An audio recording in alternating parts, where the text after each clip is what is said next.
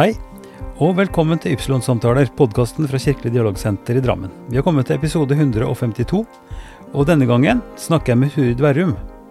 Turid er en gründertype som har satt dype spor i kirka etter seg, særlig blant barn og unge. Hun dro til Hamburg som 19-åring og ble fascinert av sjømannskirkas praktisering av kristendom. Hjemme i Norge, mens hun gikk på lærerskolen, inspirert av sjømannskirkas vekt på tjeneste for andre, stilte hun seg til disposisjon for kirka. Det ble TenSing for ungdom og for unger, arbeid i KFK KFM og stort internasjonalt engasjement, særlig for Bangladesh.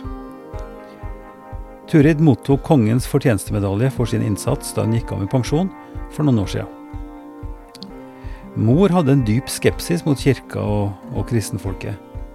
Jeg syns også det var temmelig kjedelige greier, helt til jeg møtte folka i sjømannskirka i Hamburg, forteller Turid. Turid Larum, velkommen hit. Takk skal du ha. Finvær. Strålende. Nesten fælt å sitte inne. Ja. Vi kommer snart ut igjen. Ja, det gjør vi. Ja. Turid, du eh, har levd en stund. Ja. Feira runde dager har du gjort. Ja. Ja. Eh, pensjonist, naturligvis. Eh, et langt liv i KFK KFM. ja. TenSing. Lærer. Eh, mye rart. Og det skal vi prøve å finne litt ut av. Men eh, hvordan havnet du i, i KFK KFM? ja, det kan du si, fordi jeg er født i Oslo. Mm. Bondegård i Oslo med utedo. Ja. Og eh, til jeg var 16, og så var jeg veldig Da skulle jeg bli verdensmester. Jeg hørte aldri noe om Gud og Jesus hjemme. Det Hva var- skal du bli verdensmester i? Jo, jeg vil bli verdensmester i friidrett. Oh, ja. Ja. Så jeg trente og trente. Ja. Hadde ikke så veldig talent, tror jeg. Men jeg slo en svenske. ja. Og det er jo ganske, ganske bra, da. Men jeg ga meg da jeg var på topp. Så slo jeg henne. ja men si, si litt hva slags, hva slags løp eller hopping? Nei, det, dette var uh, lengde. Ja. Og ellers så dro jeg, gjorde jeg det meste bortsett fra spyd. For den gangen jeg prøvde meg på det, gikk det bakover. Og da glapp jeg for tidlig, tydeligvis, så jeg glapp, og så kasta ja, jeg. det og så- hørtes ikke så bra ja, ut. Så jeg gjorde ikke noe Du har en viss ironisk distanse til det, merker jeg. Nei, da, Nei, men det var alvor. Idrett. Ja, du trente mye. Ja, jeg gjorde Ja. det. Det var liksom kor Ja. og idrett. Og så jobbet jeg på kontoret til far og på ben- bensinstasjonen til broren min. Og var mye barnevakt for Si litt om den gården du vokste opp på. den gården, ja, det var ikke vår. Far skulle få kjøpt den, eller mor og far. De Ja. kom fra Stavanger. Ja. Det er derfor jeg er vikingpatriot. Ja. Og så um, kom krigen, og da kunne han ikke kjøpe. Nei. Så vi bare hadde våningshuset, og så inntok jo tyskerne gården. Men um, i 50, da jeg ble født, da var det bare kort tid etter, 51, da brant låven. Og så under krigen hadde disse her eh, brødrene Ryen begynt å dø. Ja. Og testamenterte gården bort til Østre Aker menighet for å bygge pleiehjem. Å, ja. Men det hadde jo ikke Østeraker menighet råd til. For, og de kunne kanskje bruke jorda, men det å drive det og drifte det Ja. Så det ble stående og stående, og dermed så ble det ikke holdt ved like. Så jeg, da jeg bodde hjemme, så hadde jeg bøtter på, på der og der og der på rommet mitt, og om vinteren så frøs dyna fast, i veggen Oi, noen ganger. Og oi, oi, oi, det var ikke veldig godt vedlikeholdt. Men mor og far bodde der helt til 81. Oi, oi, oi. Ja. Da, da måtte de flytte, for da skulle det rives. Og nå er det jo pleiehjem og barnehage for de ansatte, og Ja. blokker og mye rart der. ja. Akkurat. Mm. Men, eh, men eh, du trivdes eh, på gården Jeg likevel? trivdes på gården, absolutt. Dere, dere, det var ikke noe husdyrhold eller Nei, noe vi hadde ingenting det- med det å gjøre. Nei. nei. Det var uh, kuer der til eh, låven brant, Ja. og så var det griser. Ja. Så de andre kalte det jo Grisegården, Ja. ble det kalt. Og da løp jeg etter da jeg var liten og kastet gress på grisene og syntes det var veldig morsomt. Men vi hadde ikke noe med dyrene å gjøre Nei, ellers. Nei, nei. Men hva drev eh, foreldrene dine med da? Eh, mor hjalp far på kontoret, og far var gründer. Så han satte i gang med, med reisebyrå med en gammel eh, lastebil, og satt to benker på, og en hytte over der. I 36 dro de da til Berlin. Og så, sammen med Hitler, så Oi, Norge slå Tyskland, blant annet. Og sånn fortsatte han frem og tilbake. Kjørte en gruppe ned, og kom opp igjen og ned. Og så startet han eh, frimerkeforretning, flyttebyrå. Ja. Eh, han hadde Lord Bacon, sånn kjøttforretning. Han, han eh, drev Kreativ mye type? Ja, kreativ type. Sånn som du? Ja, det kanskje det. Men jeg var veldig pappajente. Ja. Så jeg begynte jo inne på kontoret hans fra jeg kunne krabbe inn. Ja. For det var den andre delen av våningshuset. Ja. Og hjalp far å telle. Så, så snart jeg kunne sitte på kne og telle til ti, så kunne jeg legge ti frimerker i en bunke. Og når det ble ti sånne bunker, da ble det 100. Ja. Så jeg var ikke mer enn et par år. Og fikk aldri lommepenger, men jeg kunne velge hvilket frimerke jeg ville ha. Ja. Og da tok jeg sånne store, flotte Ja, ja, ja. bilder av dyr og fugler og blomster. Ja. Ikke de dyre, norske, kjedelige merkene som man også hadde. Men det eh, Jeg begynte jo på, på Manglerud skole. Ja. Eh, for den ble ferdig akkurat til skolestart i 57. Mhm. Ellers så skulle jeg begynt på Ekeberg. Hvis den ikke var ferdig nå. Ja. Og der ble jeg med i koret fordi jeg ville så veldig gjerne begynne i korps. Ja. Men så var jeg jente, og det, det var bare guttekorps. Og da måtte Oi. jeg begynne i jentekor. Ja. Sånn var det bare. Ja. Og det måtte jeg finne meg i. Ja. Så jeg sang i kor der, og fortsatte da jeg gikk på Katta, så fortsatte jeg i kor der. Så jeg gikk i flere kor samtidig. ja. Uh, Katedralskolen. Mm? Katedralskolen. Ja. ja. Ja. Eh, Men du sa du hadde ikke noe, du var ikke noe spesiell kristelig Nei, eh, ikke. Mor tok uh, avstand fra kristendommen fordi de var eh, seks søsken, og eldstemann skulle begynne å studere på Misjonshøgskolen, og da måtte mor slutte i 7. klasse med bare s-er på eh, karakterboka. For, Og så hvorfor, måtte, jo- hvorfor måtte hun slutte? Jo, fordi ikke Hun måtte stelle hjemme. For da måtte, måtte Altså, det ble han ble prioritert, så hun Å, fikk ikke ja. Pengene kunne ikke brukes. Ja, ja. Men, men det var ikke bare det, for det syntes hun nok var greit at hun skulle hjelpe broren sin. Men, men eh, det var sånn bedehus, og på disse her eh, bedehusene, der gikk det folk, og hun opplevde det så hyklersk. Ja. For det var ingen som baktalte andre folk så mye som de som var på bedehuset, Oi, oi, oi. ifølge min mor. Ja. Derfor hørte jeg aldri om Gud og Jesus, og, men jeg, far leste Robin Hood for meg, så han ble min helt ja. til de grader. Han tok fra de rike penger som egentlig var de fattige, så tok han tilbake, og så ga han det tilbake til de fattige. Så han var min eh, helt. Ja. Vi ser fast på julaften, så går det en svensk tegneseriefilm med dette motivet. Da skal jeg se på det at, neste julaften. julaften. at ta fra de rike og Ja. gi til de fattige. Så bra! Ja, ja. Det, det, det har Hasse og Tage, altså svenske komikere, som, og et fantastisk eh, jazzkomp bak. Ja. Og det er helt helt altså Mine barn, spesielt sønnen vår, han må ha det hver eneste, hver eneste julaften. Det er en del av eh, prosedyren. Ja. Og det handler altså om en guttunge som er vokst opp i et grossisthjem, men som leser, eh, leser om, om eh, Robin Hood. Og så tar han sin fars skattebok, og så finner han ut hvem som er de rikeste. Og så jobber han på postkontoret. Han jobber sånn jobb der for skolen. Og så plukker han ut altså alle gavene som skal gå til de rikeste, tar han i en egen sekk. Og så tar han med det hjem, og så går han til fattigkvarteret og deler ut disse presangene fra en det er fabelaktig historie. Ja, ja, ja. ja, Så det, da har du noe til gode. Og det tror jeg de som hører på også kan kose seg med den. For det Ok, men eh, Robin Hood er jo en eh, Ja, sånn som den blir framstilt i mytologien, så er det jo en bra kar. Ja, det er det. Ja. det. er det. Ikke noe Så julaften, altså høytider, familie? Nei, altså beste jobbedagene, for jeg jobbet jo på kontoret til far Ja. videre oppover også. Ja, ja. Og beste jobbedagene var jo søndag, for det, da trengte jeg ikke å gå på skolen. Nei. Så da hadde jeg 12-14-16 timers arbeidsdag, og så skikkelig gode økter. Men, men nå, det er jo du kjent som en eh, meget sterk forkjemper for Kristelig Ungdomsvei gjennom KFKKFM. Ja, ja. Du har vært altså, fylkessekretær, du har jobba med administrasjon for hele området i Buskerud. Ja, ja. Eh, og et stort engasjement for, eh, for Bangladesh, blant Ja. annet, ikke sant? som Ja. handler om ungdom og Men det er en slags Går det an å si at det er en slags likhet mellom Jesus Kristus og Robin Hood? Ja, desidert. Jeg ser det veldig Hvor var det du ble hekta hen? Hvor var det den kom, linken kom? Hamburg. Fortell. Jeg var uh, veldig forelska, og vi var ja, i en gutt fra Arendal. Aha. Og vi var sammen i eh, ja, til tre-fire år, noe sånt nå. Og hver gang vi var sammen Jeg kjøpte scooter og dro til Andenes. Nei, til Andenes. Jeg dro til eh, Arendal Ja. eh, fra jeg var 16, i ferier og sånn.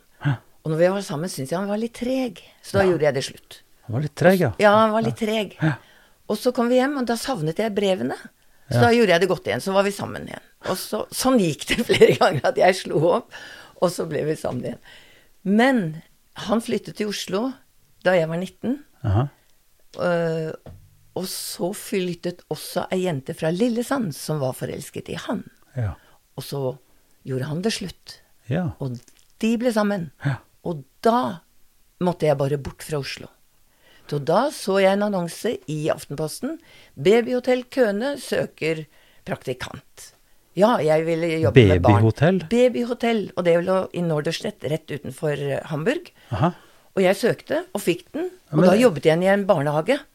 Ja, Sånn men fortell, Hva er et babyhotell? ja, det, det er et hotell hvor små babyer kommer enten fra rike folk som skal på en ferie hvor det ikke passer seg å ha med babyer. Så leverer de akkurat som sånn hundekennel eller sånn, hvor de leverer dyr. Aldri Men de fleste barna Nei, vi har det ikke i Norge, håper jeg. Men i, i eh, Tyskland så kom de også fra reperbanen. Ja. Nyfødte Ja, ja. Fra, fra prostituerte. ja. Så det var de fleste. Det var de som kom og ble Ja. værende der til de ble adoptert bort. Men, da- men altså eh, La meg rekonstruere, for du sa jo at du syntes han karen var litt dreig. Det Ja. var liksom ikke, det var ikke men, men det var kontakten, brevskrivinga Ja, men vi ble jo da sammen igjen, og så besøkte vi fortsatt vi sånn frem og tilbake. Så det, ble, det var reell kjærlighetssorg når han Ja, det var kjærlighetssorg. Det var kjærlighetssorg. Såpass at du måtte flykte fra hele byen? Jeg orket ikke å se de to sammen. Nei. Nei. Å nei. Og så var det nok nederlag også at han slo opp. Ja. For liksom da var det jeg som var vraka. Ja. Og kom dit, og så hadde broren min sagt at uh, i Hamburg er det sjømannskirke. Ha-ha, hva skal jeg med en kjerke som ikke går inn hjemme? Jeg må jo bare, når koret synger i kirka, da måtte jeg jo være der. Men ellers så mm, var jeg jo aldri i kirka. Hvordan var det å synge i kor, da? Det I var kirka? veldig. Ja, det, Altså, jeg tenker i kor, den linken. Ja, jo, jeg sang jo i kor, og måtte være på gudstjeneste da, hvis vi sang på en gudstjeneste. Ja, mm. Men jeg syntes jo det var gørrkjedelig. Og jeg syns kristendomstimene på skolen var gørrkjedelige. Angikk ikke meg i det hele tatt. Konfirmanttida, gørrkjedelig. Men du var konfirmant? Ja, ja, ja. Alle andre gjorde det. Ja. Det gjorde jeg òg. Ja. Jeg bare troppet i, Ja. i sporene. Fikk vi fem spørsmål hver, for, for hver gang i lekse. Ja. Og jeg skrev av Bibelen, eller skrev av Ja, det jeg skulle, leverte. Ja. Og fikk som regel ikke under 30 poeng. Maks var egentlig 25. Ja. Så jeg svarte nok godt, men det hadde ingenting med meg å gjøre. Nei. Og så Så det, det var på en måte Det var kjedelig. Jeg forbandt ingenting. Jo, også da jeg begynte på Katta, så, så var jeg litt nysgjerrig på laget. Ja. Så, jeg, så gikk jeg på et lagsmøte. Og der Jeg har aldri følt meg så utafor. Fordi der var det bare Min opplevelse var at der var det bare folk med barn til prester, til, eh, til eh, menighetsrådsfolk osv. Og temaet var hellig rettferdiggjørelse og helliggjørelse. Jeg skjønte ikke bæra og tenkte hvordan skal jeg komme meg ut herfra. Så med en gang det var slutt, så uh, Og de sto liksom i klikker og sånn. Ja. Og jeg ikke kjente igjen noen, og ikke Nei, det var ingen god opplevelse, altså. Så da var jeg på en måte ferdig med laget. Ja. Og så, eh, når jeg da måtte bort fra Oslo Ja. etterpå, og broren min sa at det var en sjømannskirke, så skjønte jeg ikke helt vitsen med det. Nei. Men så dro jeg, da, i november, og var der i november og desember og januar. Ute i januar så fikk jeg to små kakebokser med norske julekaker som en venninne hadde sendt. Det har jo vært jul! Det var liksom litt fjernt, fordi vi jobba og jobba og jobba. Ja. Og så fikk vi Karpe den dagen det var julaften, så det minte ikke mye om julaften, det heller. Og så var det bare å fortsette å jobbe og jobbe og jobbe. Ja. Så eh, de der julekakene, det var godt. Ja. Åh. Og, og kanskje, kanskje jeg skulle ta en tur ned på den. Kanskje sjømanns- det var noe norsk noe der. Nei, det gjør jeg ikke, altså. Tenk om å sitter og bare ber og prater til Gud, og Gud og Jesus, og det er ikke noe for meg. Så, men i slutten av januar så tok jeg U-banen ned til Landungsbrücke. Gikk opp Dittmar Kølstrasse, mm, der er nummer fire, ja, og gikk forbi. Og snudde og gikk tilbake. Mm, der er Sjømannskirka. Gikk ned til U-banen. Jeg kan gjøre det en annen dag. Så jeg kom ned. Høy terskel, altså. Turid, ja, ganske. Jeg gruet meg som bare det. Jeg hadde aldri vært inne i en sånn kjerke før. Jeg ante ikke hva det var. Nei. Og så prøvde jeg å si til meg selv, Turid, du er 19 og et halvt år. Hvis det er så ille, så kan du bare snu og gå igjen. Ja. Ok, så gikk jeg, Og gikk opp, og da var jeg ganske sånn der svett i hendene og litt dunk dunk og syntes det var ganske skummelt. Ja. Så kommer det den koselige husmorassistenten Gunhild kommer. Og velkommen, har du lyst på en kopp kaffe og vafler? Og jeg, jeg, jeg, Ja takk! Det var jo så hyggelig. Så kom det et crew inn med, med sjøfolk, og de fikk kaffe og vafler. Blir du med ned og bowler, eller? Og jeg ble med ned i kjelleren med bowlingbane.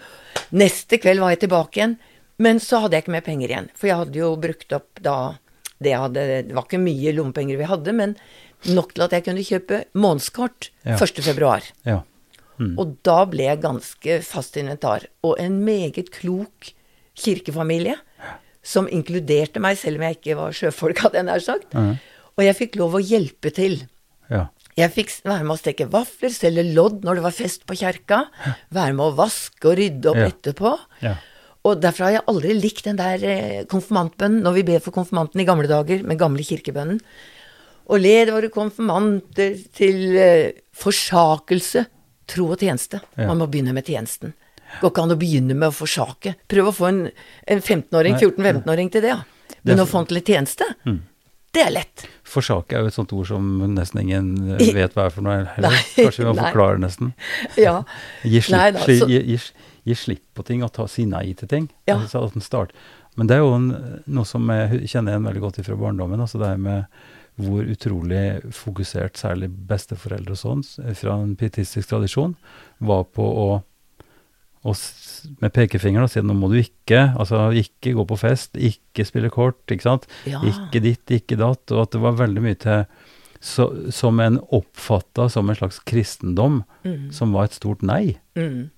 Og at det er nok flere enn både du og meg som har opplevd det, og som Mm. knytter nettopp sånne et ubehag og en slags eh, beklemthet. Sjøl om du, både du og din mor, du sier er veldig påpasselig med å si at sånn som vi oppfatta det. Mm.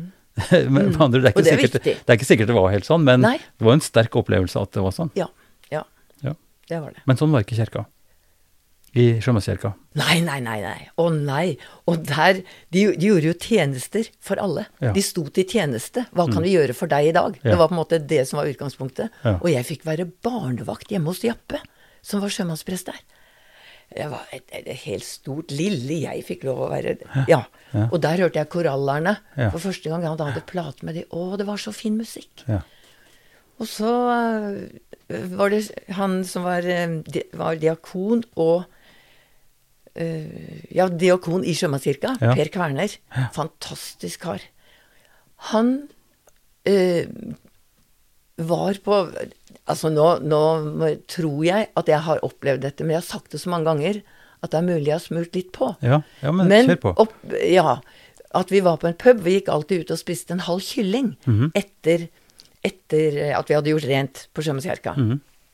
Og jeg kunne ikke skjønne hvorfor jeg la på meg hele tida, men jeg skjønner jo litt det nå å se tilbake. Mm. Og en gang kom vi inn, og så så han en som lå på gulvet. Oi, det er Og så sa han et navn. Mm. Og så gikk han bort til, til han, spurte om han skyldte noe penger. Mm. Jo da, det gjorde han. Eh, Så han betalte og tok han med seg. Hva er det Per gjør nå? Mm. Ja, han tar den med seg hjem. Hjem? Har ikke han bare en bitte liten hybel, da? Jo, jo, jo. Men så, så får han i seg en kaffekopp, og så får han en dusj, og så får han lagt seg. Ja, hvor enn da? På gulvet? Nei, Per legger seg på gulvet. Han får senga til Per. Oi, det hadde ikke jeg gjort. Det visste jeg. Enda jeg trodde jeg var den snilleste. Du var i hvert fall den snilleste jeg visste om på den tid. Jeg passet barn, barn til ja. brødrene mine. Jeg jobbet på bensinstasjonen til broren min. Jobbet på kontoret til far. Tok alle oppvaskene. Listet meg opp trappen til annen etasje, for mor var syk. Altså hele tiden Så jeg var den, den snille, syns Ja, jeg. ja. Og så hadde jeg en sånn for oppi hodet mitt Hvis det fantes en gud, så var det nok tre ting han ikke brydde seg noe om. Al Altså, det skulle vi ikke gjøre. Det var å røyke, drikke og ligge med gutter. Ja. Jeg gjorde ingen av delene. ja. Så da var det helt ålreit med meg. Ja. Og så opplever jeg Sjømannskirka som både er de snillere enn jeg var, og kunne, jeg kunne jo ikke tenkt meg å gjøre en sånn mot en fyllik. Mm. Og så kommer eh, ute i juni en gudstjeneste. Jeg fikk fri en søndag og gikk på gudstjenesten, og der var det jo ikke mange. Nei. Og så sier Jappe da, ser utover oss, å, så hyggelig å se dere. Dere er så trofaste og hjelpsomme og greie og pålitelige. Og han kom med masse gode ord. Og jeg prøvde å nikke, for jeg syntes jo han også var veldig grei og veldig sånn. Så jeg liksom nikket igjen og syntes jo det var veldig hyggelig, alt det han sa. Men vi mennesker, fortsatte han, vi eh, greier å skjule ganske mye for hverandre, men ikke for Gud. Gud ser all sjalusi, alle hvite løgner, all juksing på skolen, all skattesnusk og så etter hvert som jeg holdt på med det Oi, jeg var mester i å jukse på skolen. Jeg hadde et stort pennal, og under der var det en Mm. jukselapp. Jeg hadde hvite løgner, det var aldri jeg som kom for sent, det var klokka som hadde stoppet. og, og jeg var jo sjalu som bare det. Ja. Og tenkte oi, har han skjønt det om meg? For da, da var det liksom han snakket til meg. Hvordan hadde jeg liksom klart å røpe det?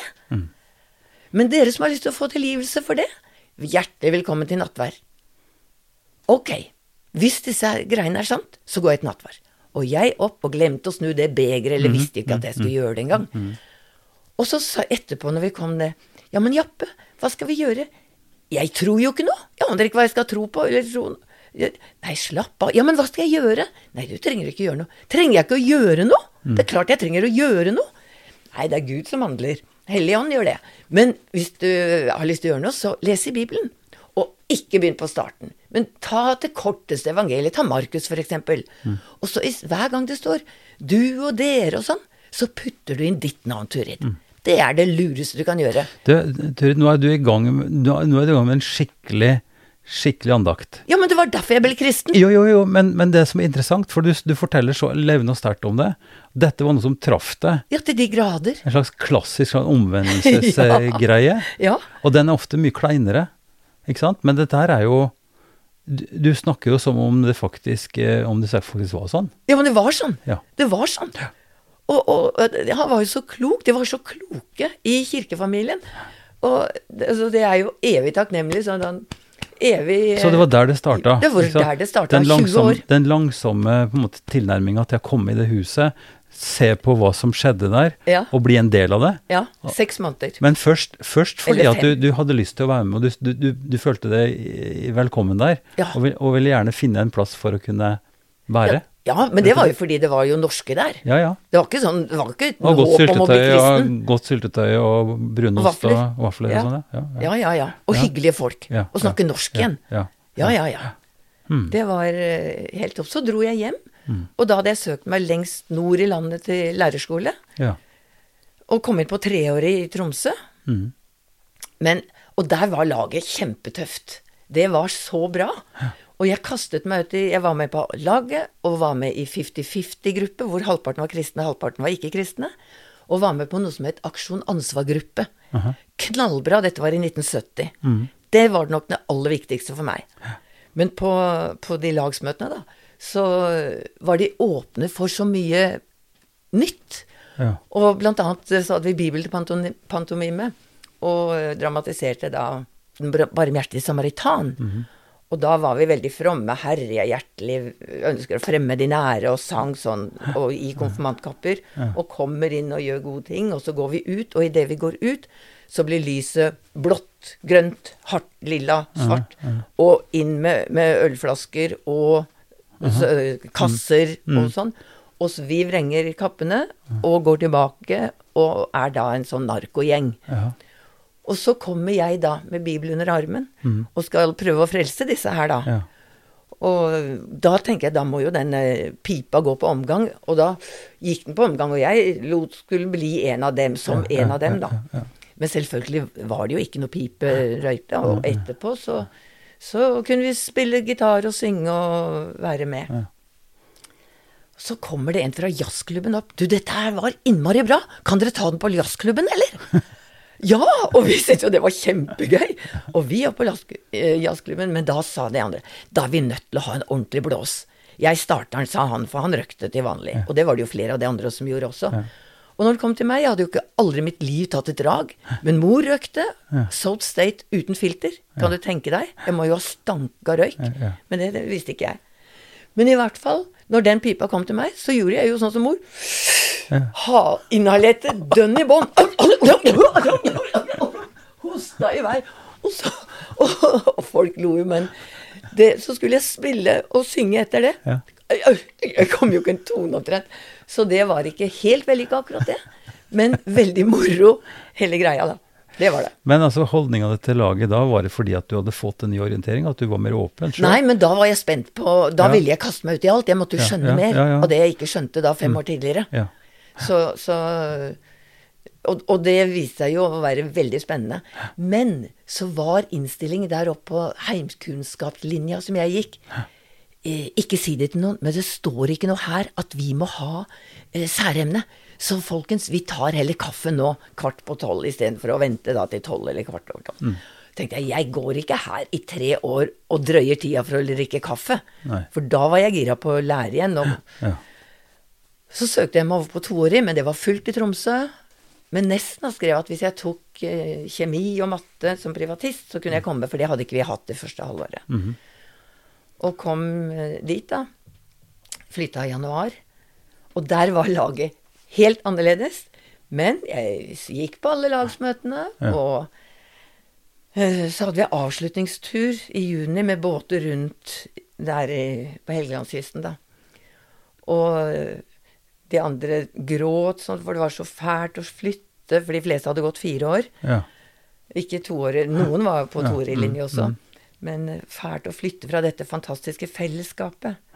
Hva slags fellesskap er det dere snakker om? Spurte jeg hun jeg syntes jeg hadde fått best kontakt med. Nei, det er noe som heter kristent fellesskap, men du er nok for tøff til å oppleve det. For da hadde jeg starta ungdomsklubb der, og vi spilte My Sweet Lord og, og litt sånn beat. Ja, ja, ja. ja. Uh, og det var ikke kristelig. Og så skulle jeg jo, planen min var å dra ut og jobbe i Sjømannskirka. Og det var jo ikke kristelig, for der drev sjøfolkene og gjorde tjenester for andre. Så jeg fikk nok litt av den opplevelsen som mor hadde hatt tidligere med at Ja. det ble fordømt. Og så gikk jeg på Terian og satt og snakket med sufferne. Og Ja. de var skumle, det. Det var ungdommene i Ja. Sosialistisk. Folkeparti, som det het da. Ja, men jeg drikker jo bare vann eller saft. Jeg drikker jo aldri noe annet. Ja, men de drikker øl. Ja. Men jeg kunne ikke gå og snakke med de som satt og drakk øl. Ja, men hva gjorde Jesus, da? Du kan ikke sammenligne deg med Jesus. Nei, nei, nei, jeg gjør ikke det, men jeg trodde vi skulle være sammen med folk. Nei, det var helt på trynet. Og i Sjømannskirka, som de da, prestene, ikke bare forkynte, men drev og gjorde tjenester for sjøfolk. Det var jo helt uhørt. Det, så, Men, men så hva slags Er ikke det ganske merkelig? holdning? veldig merkelig. Men det, Men det var stilen, liksom? Eller sånn som de eh, det var min opplevelse ja, og det ja, de ja. sa der. Ja, ja, ja. Og som, som jeg tenkte hjelpe meg. Heldigvis fikk jeg jobb på Sjømannskirka hele sommeren, så jeg dro dit. Og så skjønte jeg at oi, far hadde nok regnet med at jeg skulle komme hjem og hjelpe han, Ja. for han trengte hjelp på kontoret. ja. Så da jeg plutselig fikk et brev fra Halden lærerskole, at de hadde nå sett at jeg hadde tatt uh, kjemi og matematikk, Mm, og nå var på toårig eh, skole, ja. så kunne jeg få plass hos dem, for en elev hadde sluttet etter første klasse. Okay. Mm -hmm. Oi. Oi. Om det var flukt fra venelaget, som det het, eller om det var mest Jeg sier jo selv at det var for å hjelpe far Ja. i helgene, for da kunne jeg dra hjem hver helg og jobbe. Men det er jo litt sånn å pynte på det. Kanskje det også var en flukt. Det vet jeg ikke. Men jeg kom i hvert fall til Halden, siste året på lærerskolen. Så jeg hadde to år med tre lærerskoler. Og eh, der var det Altså, laget var helt åpent, men når de kom og spurte meg Er du eh, Nå husker jeg ikke det de sa engang, men Indremisjon eller eh, pinsevenn eller Eller kuffer. Jeg vet ikke hva Jeg, jeg er kristen, jeg. Jeg, jeg. Da skjønte jeg ikke alle disse her eh, forskjellige Nei. Jo, sambanditt, det var vel en ja, av ordene du. sa. Ja, ja. Ja. Det, og der gikk jeg bare på prestekontoret og sa at jeg skal være her ett år. Trenger dere hjelp til noe? Å ja, vi, vi står i beit for en meiseleder og en som kan hjelpe til med TenSing. Ja. Å ja, jeg har gått i kor i mange år, så det kan jeg sikkert. Så da ble jeg meiseleder og med i TenSing. Og så, Men de, de var ikke veldig sånn det, Vi var med i TenSing, men at det tilhørte KFKK5, det tror jeg ingen eh, opplyste om. Nei. Ei heller at det skulle være Tete den sommeren 72. Det hørte jeg ingenting om, så det visste jeg ikke. Nei. Så etterpå så, så uh, giftet Per og jeg oss. Og så uke etterpå dro vi til Andenes som ungdomsskolelærere på Andøya. Ja. Og da hadde jeg fått kristendom i flere klasser. For det var ikke så mange som ville ha kristendom. Så tenkte jeg ja, ja. Så jeg tar med gitaren. Jeg kunne jo tre grep. Og så sensilerte jeg opp Ungdommens frelser og Gud går her på jorden, og, som var populære. Så, jeg, så lo de av meg på lærerværelset da jeg kom med gitar. Har du tenkt å synge? Ja, ja jeg hadde liksom det. Her har vi ikke sunget på mange år, så det kan du bare droppe. Ok. Så tok jeg med gitaren inn og hadde med sensilene og sa at eh, jeg har med noen ungdomssalmer som er populære sørpå, men hvis dere ikke liker dem, så bare kutt ut. Ikke syng. For så går vi selvfølgelig tilbake til Landstad. Ja. Og dermed sang de jo. For ingen ville tilbake til det tjukke, gamle, svarte Landstad. Og neste time vil de synge, og neste time vil de synge. Så nå, nå, vi, kan, vi må jo gjøre mye annet også. Ja. Det er klart vi kan Ja. synge litt, men de som har lyst til å synge mer nå, møt på Forsamlingshuset til onsdag klokka fem. Nei, klokka seks. Ja. 5. september, det var en onsdag klokka seks. Det ble starten på Andenes TenSing. Så da kom folka, de. Ja, ja, da var vi 30 det første året. Én gutt og 29 jenter. Han var ganske modig, syns jeg. Og jeg hadde gitaren, og når vi sang 'Takk Gud', 'Danke', så måtte jeg flytte kapotasten opp, så da kunne jeg ikke slå Riktig. Mm. Og da måtte jeg flytte kapotasten opp et halvt sånn, så da kunne jeg ikke slå til siste akkorden. Da måtte jeg Og så på'n igjen, vet du. Så jeg var ikke særlig dreven, men det, det holdt. Og så, når vi da kom til jul, så kom musikklæreren på ungdomsskolen på Andenes da. Ja, Borgen, ja. Det var noe synd at den E-strengen var, var litt falsk. Er det noe som heter E-streng, tenkte jeg. Jeg hadde ikke snøring der engang. Men eh, det, de andre applauderte og syntes det var kjempemoro. Endelig på skolegudstjenesten til jul så var det ungdommer som, eh, Ja. som deltok. Ja. Og så om sommeren, da, da eh, turte ikke disse ungdommene å reise alene på TenSing-seminar.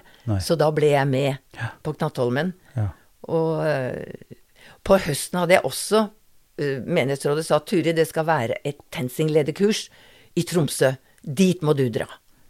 Og der var jo Kjell Grønner, og, Ja. og da Den store pioneren. Den store, ja. Ja. Det var stort. Så fra da har jo jeg vært Jeg har jo vært KFK-speider Men du har da jeg var liten. Men, ja, akkurat. Ja, men det, det, hun som var patruljelederen vår, var bare forelsket. Ja. Og dermed kom vi aldri ut. Vi satt inne på et rom og skrev og tok merker, og tredjegraden og førstegraden og halvveis i Ja, tredjegraden Men det høres ut som forelskelse er en slags sykdom her. Hva var greia? Satt hun og skrev ja, jo, men altså, da hadde ikke hun tid til å dra på weekendtur med oss. sånn, ja. Så jeg sånn, kom ja. på én speidertur i løpet Ja, av de åra. ja, ja.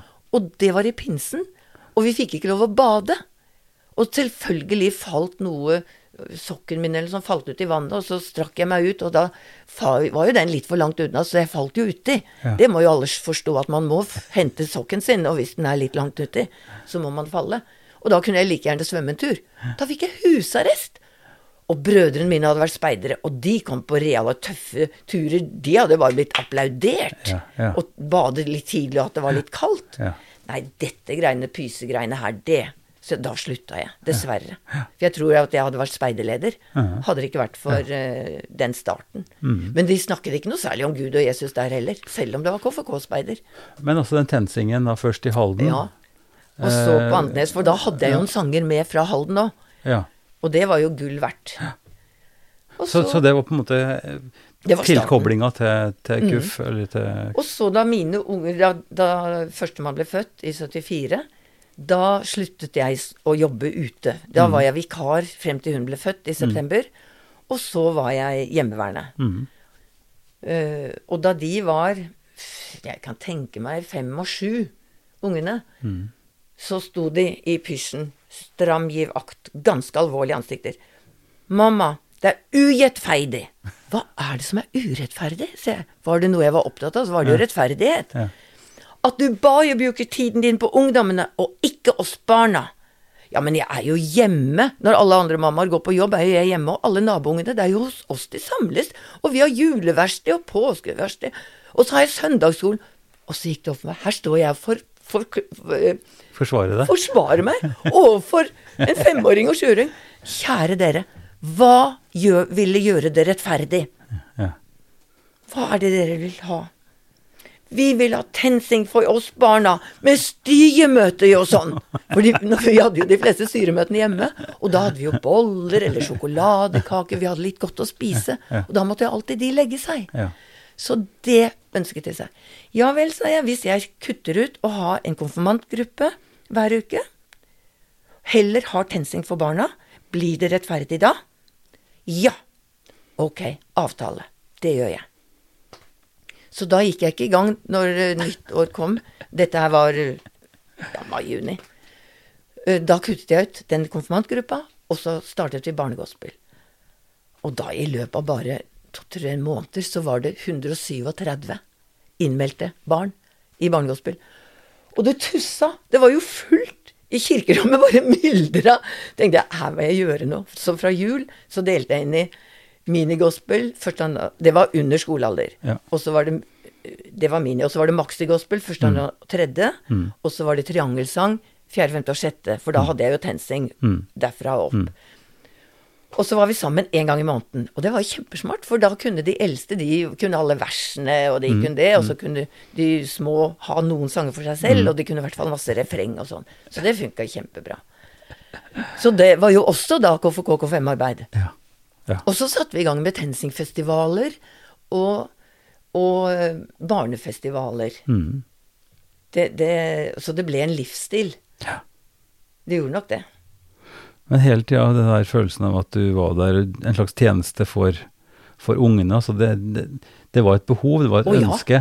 Ja, ja. Ikke sant? Det, det er jo ofte det motsatte, at du tenker gjennom noen lure ting, og så skal du arrangere et eller annet, og så er det litt nedfor fordi at ikke det dukker opp noen. Ja, og Det det, kan jo- godt tenkes det var sånn i Lier da jeg kom dit i 85.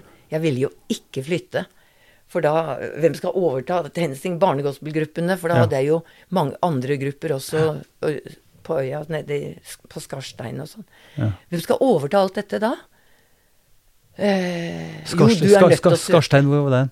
Nei, det er, det er bare på den andre sida av, eh, av øya, for Andenes er på tuppen. Ja, ja, sånn, ja. Og Så, du var hele tida nordpå Ja, snakke om? ja, mm, rett overfor ja, Senja, ja. Ja, ja.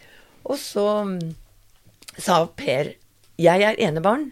Vi begynner å få gamle foreldre begge to. Vi må flytte. ja.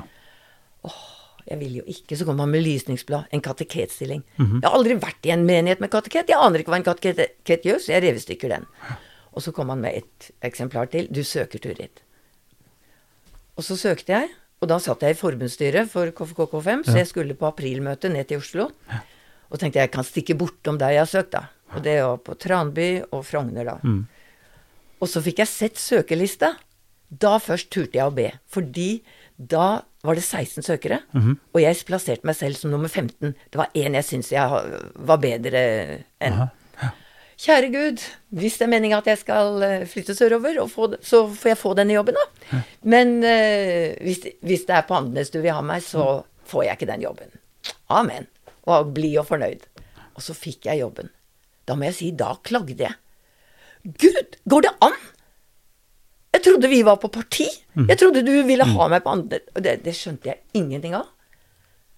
Og vi flyttet, og jeg trivdes fra dag én. Og der var det ikke, der var det ikke TenSing. Nei.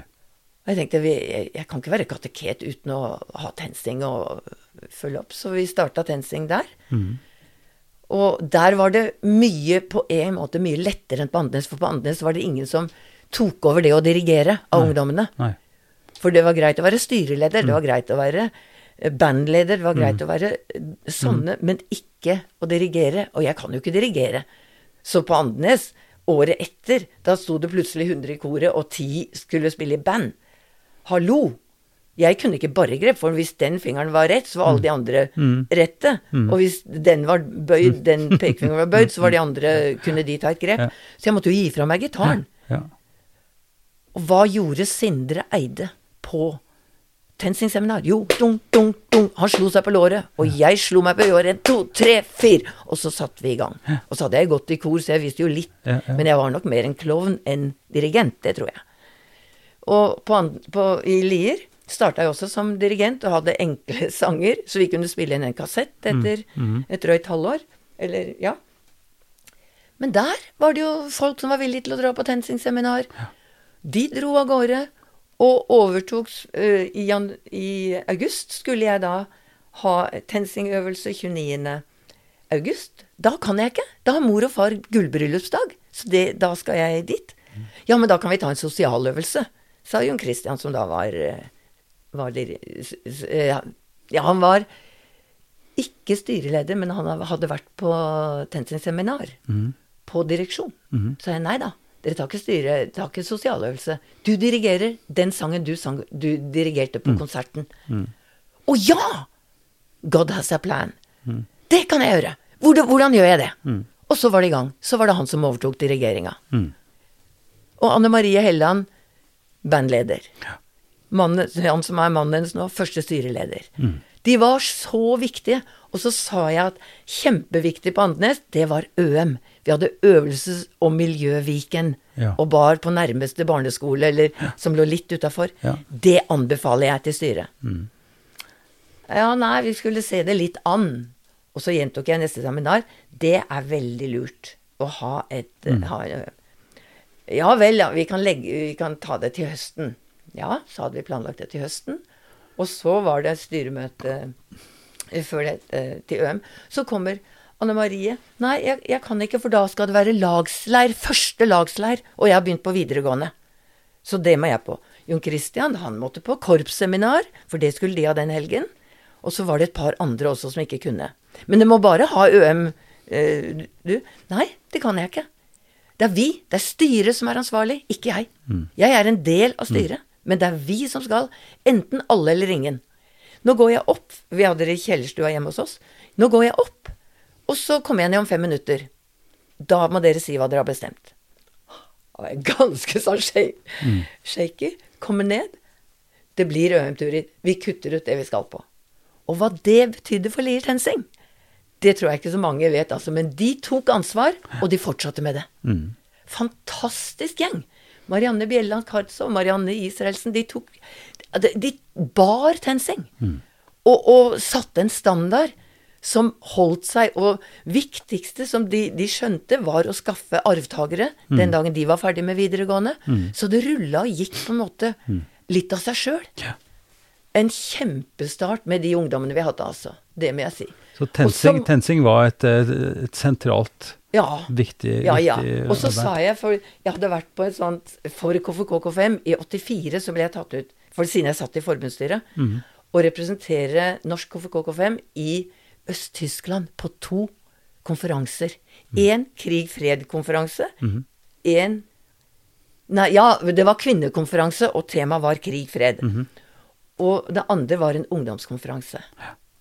På den første Eh, så, så, ble jeg en slags sånn allsangleder, for jeg kunne jo en del afrikanske sanger òg. Ja, mm. Og de kunne jo ikke engelsk, disse som kom fra de østeuropeiske landene. Mm, mm. Så det var, var, ikke noe vits i å ta engelske, men afrikanske sanger, det funka. Mm. Og så da vi skulle skilles om halsen Turi, Turi, du må komme tilbake til oss med TenSing og, og, og, og med barnegospel, for vi kommer aldri ut. Å ja, men når jeg kommer til Oslo, da er jo ikke jeg halvveis hjemme engang. Det er jo mye lenger jeg skal. Men da vi kom såpass langt sør som til Lier, så sa jeg tidlig til styret jeg har en drøm.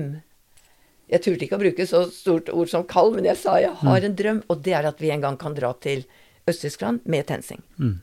Og så sier disse fornuftige ni, da niendeklassinger og førstegymnasiaster Turid, vi er for unge til det nå. Ja, ja, ja, jeg vet det, men hvis dere føler at jeg presser på, så må dere vite det og si mm. nei. Mm. Så fikk vi i 88 en invitasjon Da hadde vi nettopp vært på Tyin, på sånn flyktninger, asylsøkere, mm -hmm. bosniere, og som bare snakket med advokater. Aldri med vanlige folk. Så vi dro opp med TenSing og dansa og lekte med ungene. Og, ja. og så fikk vi en invitasjon. I eh, 89 kan én norsk TenSing-gruppe få komme. Maks 50. Da var vi over 100. Og så En annen gruppe var interessert, men de trakk seg fra Trondheim. Mm. Så det, det, var oss det var, som var aktuelle. Mm. Og da brukte vi Altså da Det var jo den tid alt ble undersøkt av Stasi. Alle brev ble gjennomlest. Ja, ja. Eh, mm. Fakser kom ikke mm. frem. Mm. Så dagen før vi skulle dra To dager før visste jeg ikke om vi kom inn.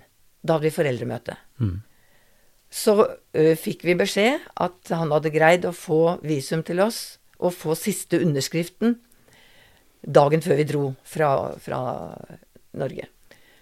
Da holdt vi på å trykke Lierspillet. Og jeg fikk skrevet siste for styret, og folk, medlemmene hadde gjort masse, mm. men det mangla et sånn sjansekort. Så det jeg fikk rabla det, gitt det til Astrid kontordame. 'Astrid, kan du sende det til posten? Det må av gårde! Bussen tuter! Vi må dra!' så var det å dra av gårde. Og da hadde vi laget en musikal som het Mull. Søppel. Og da var det at vi gjorde en masse feil ifølge budene, mm. og så kom søppelmannen og feide opp. Mm. Det var liksom Jesus, og kastet søpla av gårde. Mm. Så kommer vi ned til, til Trelleborg og tar ferje over til, Stra, til Sassnitz. Mm. Der gjennomlyste de alt. Tok ut under bussen, over bussen. Det tok jo lang tid. Og åpnet alle disse programheftene hvor vi hadde oversatt alle sangene, bare sånn at de skulle skjønne hva vi sang om, mm. og oversatt all dramaen. Mm. Så de visste mm. hva det mm. handla om. Og så sto det Myll. Kanskje de tror at vi tenker på DDR som søppel. Mm. Og jeg var så redd. Vi hadde haugevis av T-skjorter som vi da skulle også gi mm. bort, ja. og hadde på oss selv. Heldigvis så gikk det, og de tok det ikke for det det var. Men da å, da var jeg redd.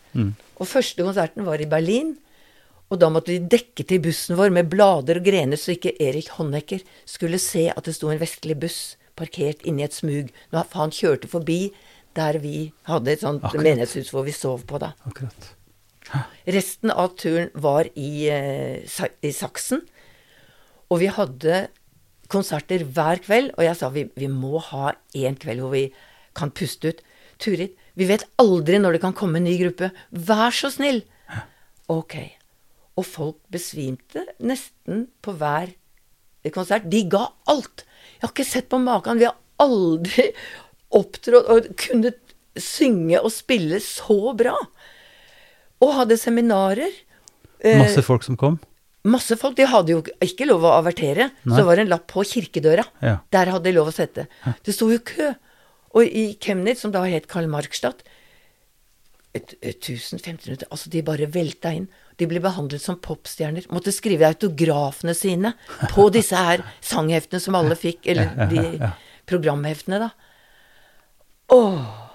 Ja, det var um, Utrolig. Det var fantastisk. Dette var like før muren Ja, dette var i juni 89. Ja. Og ingen snakket om at muren kom til å falle. Ingen gjorde det. Men det skjedde på høsten? Det skjedde på høsten. Og det våre folk også da gjorde da vi var på seminarer, ble de jo gode venner.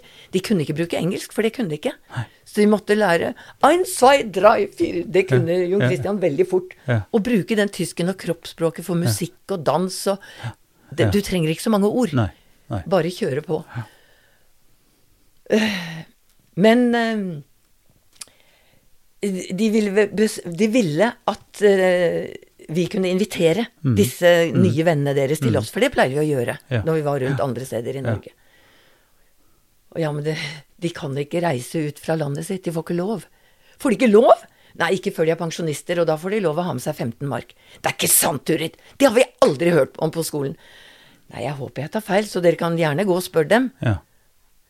Og så kom de slukøra tilbake. Turid, det er helt sant. De får ikke lov mm. før de er pensjonister.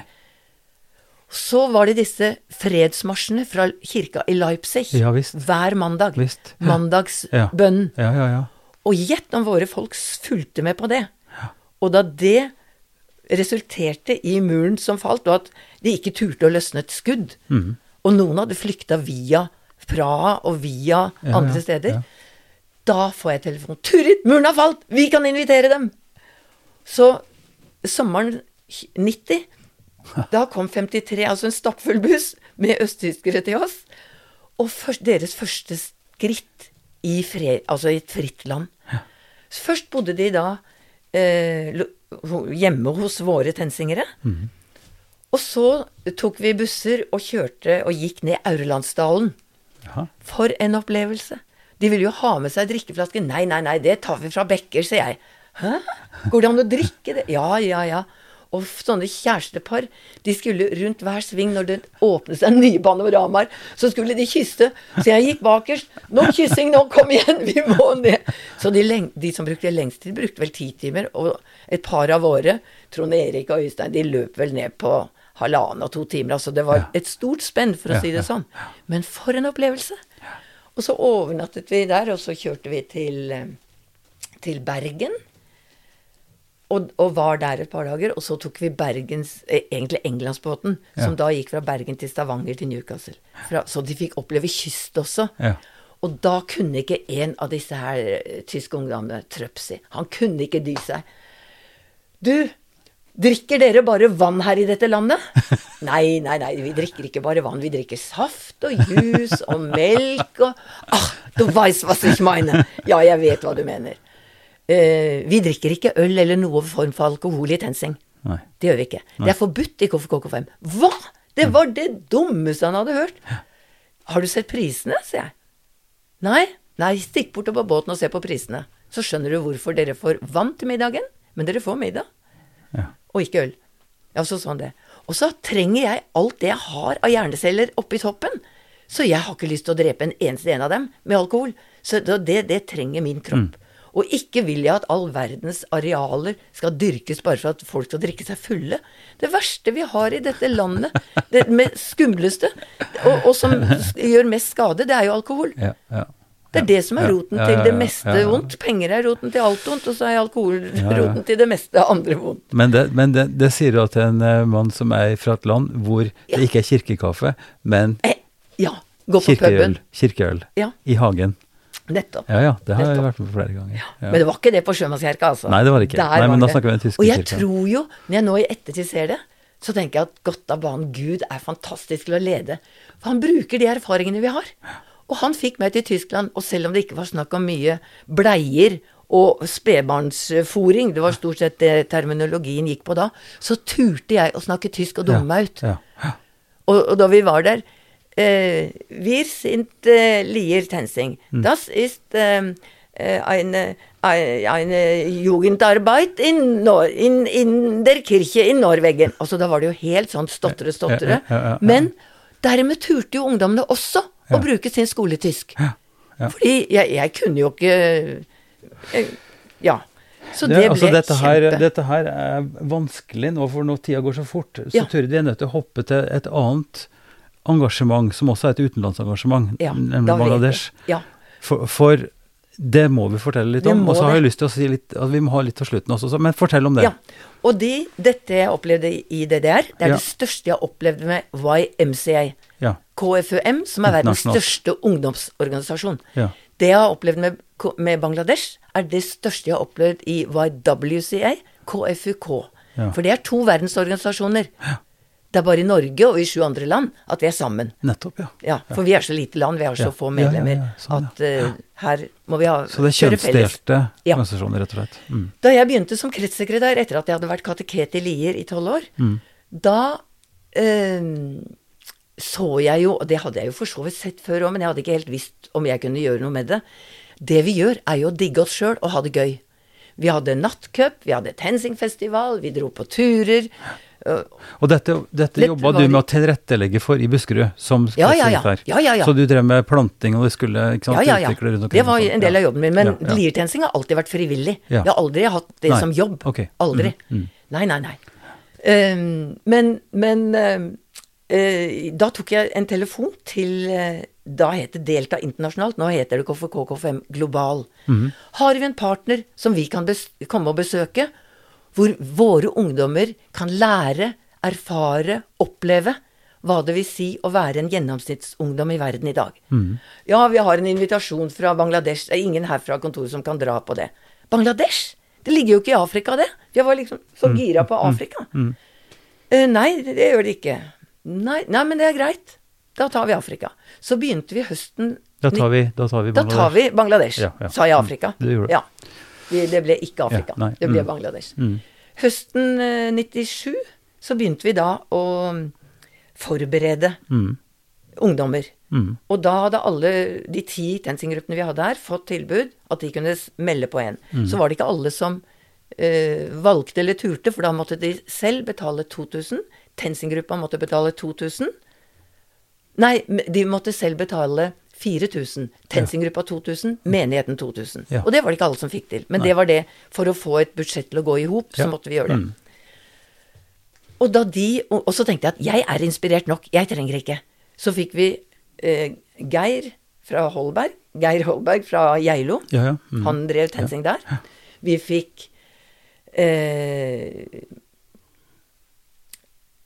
Jorunn Sandnes, kona til min, min forgjenger som kretssekretær. Hun var mamma for å ha med Norske Ukeblad, sjokolade, smågodt, for hvis de lengtet hjem og, og sånt noe. Og så hadde vi med en fra hovedkontoret som var ledertreningssekretær, Vibeke Marie Mæland, og sju ungdommer.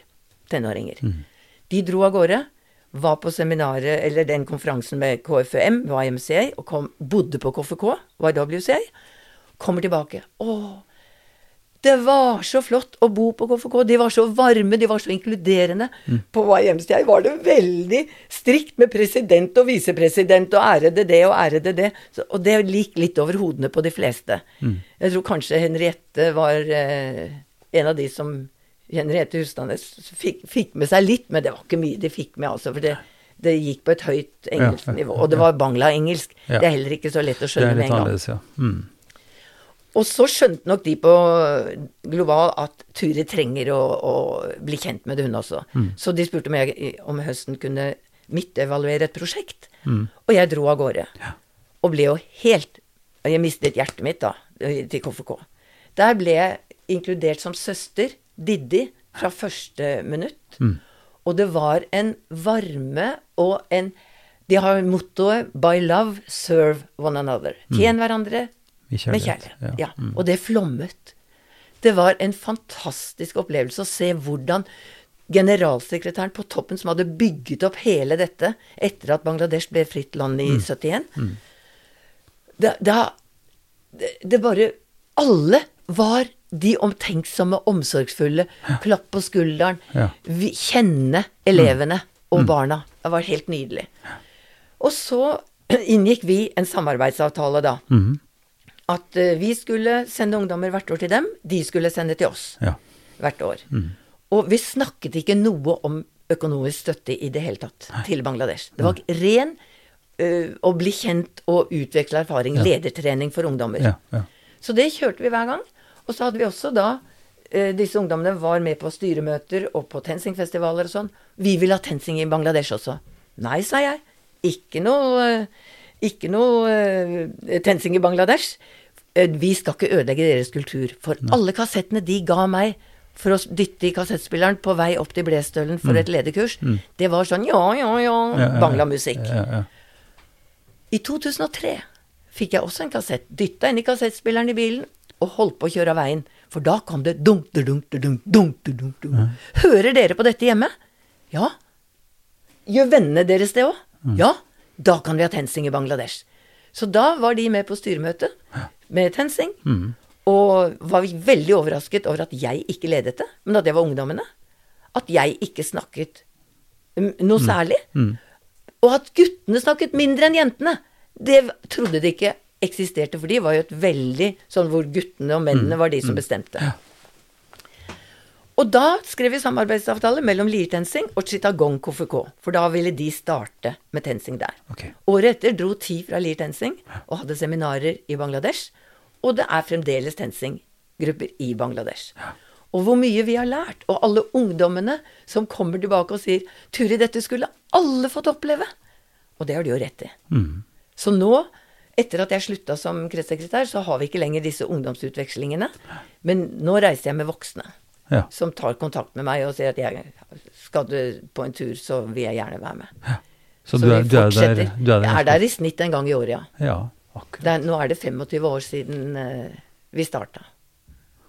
Men, men kulturen der, altså dette er jo et kristelig arbeid, eller er det? Ja, og det er 0,3, snaut 0,3 kristne i Ja, Bangladesh. nettopp, nettopp. Det er nå nesten 93% muslimer, nesten 10% hinduer, og så er det det lille bitte 0,3. Men er det noe deltakelse fra de andre, eller dette er bare den kristne gruppa som er med på den tensingen? Nei, det er de kristne som er Ja, med. ja. Og hvis de får med venner, som noen nå har fått med, og som er muslimer, Ja. så kan ikke de bli fullverdige medlemmer.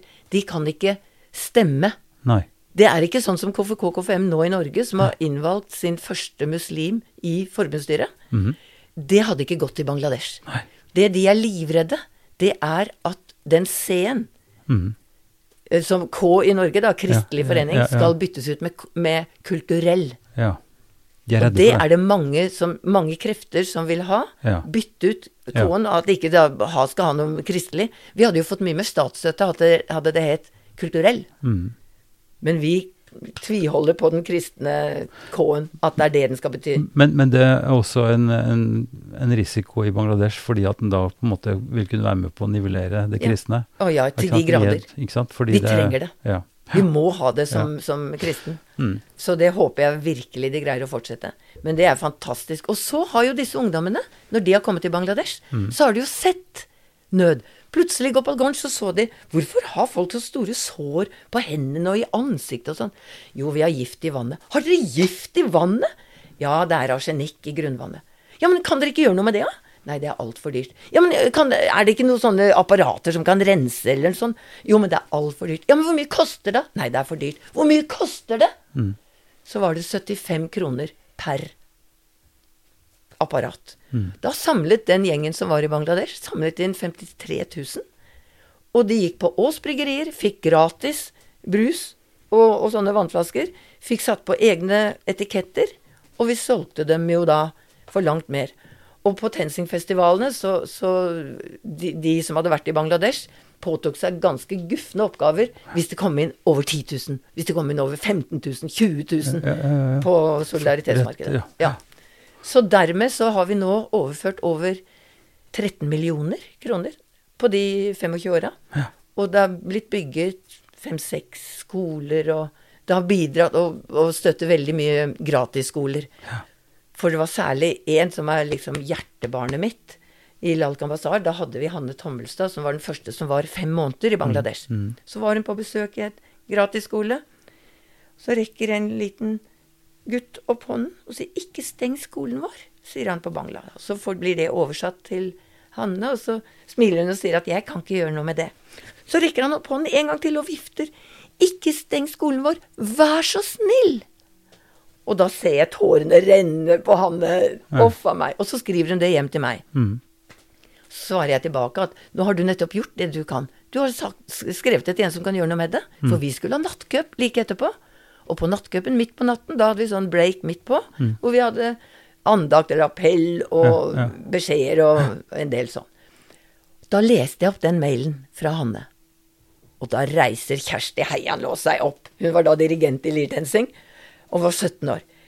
Den skolen skal ikke stenges, altså. De 250 unga som går der, de skal få utdannelse. Jeg var der i høst og har sett den skolen. Vi setter i gang en givertjeneste, folkens.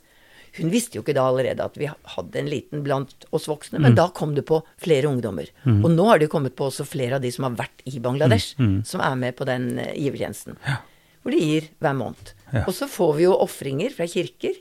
Vi får fra 50-årsdager, f- eh, bursdager i det hele tatt, og aksjoner på Facebook. Så dette har blitt en permanent eh, støttefunksjon, rett og slett? Ja. Et, et permanent samarbeid som tilfører Ja. ressurser jevnt? Sendte over en million i fjor. Utrolig. Vi, vi, vi legger inn noe informasjon om dette på når vi publiserer den her, slik at folk kan uh, henge seg på. Så bra! Uh, men, men vi avslutter nå ganske snart. Men si litt om hvordan du oppfatter det litt nye arbeidet som også er starta av den norske KFKKFM, nemlig Forandringshuset. Ja. Som, eh, som er jo etablert, ble etablert for en del år siden i Fjell kirke, men som har utvikla seg veldig og blitt en veldig kraft, vil jeg si, blant flere eh, betydelige organisasjoner som jobber med, med barn og ungdom, og, og, og folk som trenger hjelp. Men som nettopp ikke har den K-en. Ja. Si litt om det. ja, kjempespennende. Men de har jo K-en. Ja, jo, men de har den fordi det er så mange verdier i den kristne tro Ja, og ja. muslimske tro Ja. som går over hverandre. Ja. Så vi har jo muslimer som har skrevet under på de ledererklæringene Ja. som gjelder i dag. Ja. Så eh, det syns Men, men jeg er poenget mitt var nettopp, ja. poenget nettopp at Ja. det er åpent, altså Ja. i en annen forstand, og at kanskje behovet kom også ut ifra litt det samme som du opplevde.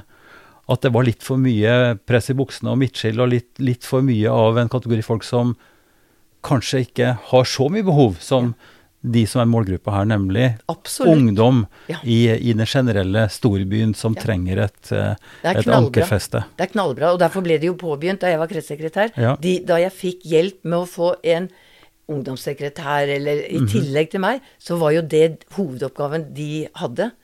det var jo nettopp å utvikle Forandringshuset. Mm. Så det var noe av det vi satset tidlig på og skjønte at dette er viktig. Og det som er viktig nå, jeg syns det er en spennende tid vi går i, det er og hvordan kan vi være sammen.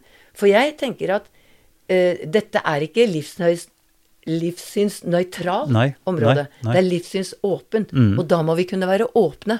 Og da må vi, sånn som nå har jeg vært på landsmøte, hvor det var ikke var bønn for landsmøtet ikke ble lest et Guds ord, eh, ikke ble sunget bordvers ved første måltid. Det var helt rensa. Det mener jeg er galt. Mm. Og heldigvis så var det noen av oss som tok initiativ til å Mm. synge 'Thank you, Lord, for giving us food'. Mm. Og så spurte jeg etterpå eh, syns dere det var rart. Ja, det var litt merkelig, jeg har ikke vært med på det før, men det var helt ålreit. Mm. Så jeg tror ikke vi skal være så redde. Og jeg savnet veldig Vi er nødt til å kunne ha lov til å legge et landsmøte i Guds hender Mm. og be om velsignelse og kloke tanker og ord og påvirkning og det som skal til. Så, så det blir en spennende marsj å gå, for dette her er Mm. ukjent eh, program.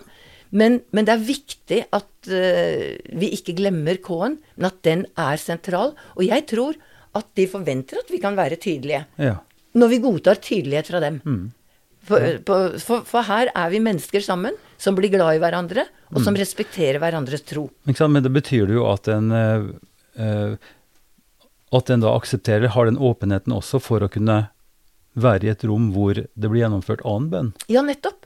At ikke man nivellerer og sier at dette Ja. skal være nøytralt og, Ja. og Ja. umulig, men at en kan lytte til en kristen bønn, en kan synge en kristen sang, men en kan også i respekt være med der på På en muslimsk. På en- Det er klart. Ja, Jeg folder hendene da og ber til, til Gud, til Jesus, til. Den hellige ånd.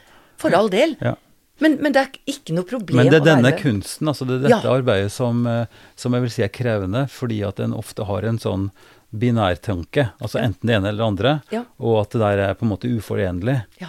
Og det tror jeg ikke det er. Eh, Og det, tror altså det er litt av det samme som du opplevde fra starten av Turid, Mm. altså når du møtte Sjømannskirka, at du opplevde en måte å utøve eller være kristen på som så klart Ja. innbefatter den relas- gudsrelasjon og, og det åndelige, men er veldig tydelig på at dette skjer her Mm. Ja. og nå, på et måte som er fattbart og akseptabelt for enhver. Mm. Og jeg tror også det med kampen for rettferdighet og for kloden vår, det er så mye vi står sammen om. Og da kan vi ikke skusle bort de mulighetene vi har. Nei. Så det syns jeg er kjempespennende. Men at det også er sikkert krevende. Mm. Og at vi må, må jobbe og være bevisst på det, alle parter. Så Turid, vi runder av, men hva er liksom det du fyller dagene dine med nå? Er det fortsatt Bangladesh, som står veldig ja, det er oppe? barnebarn har første pri. Mhm. Bangladesh har Ja. annen pri.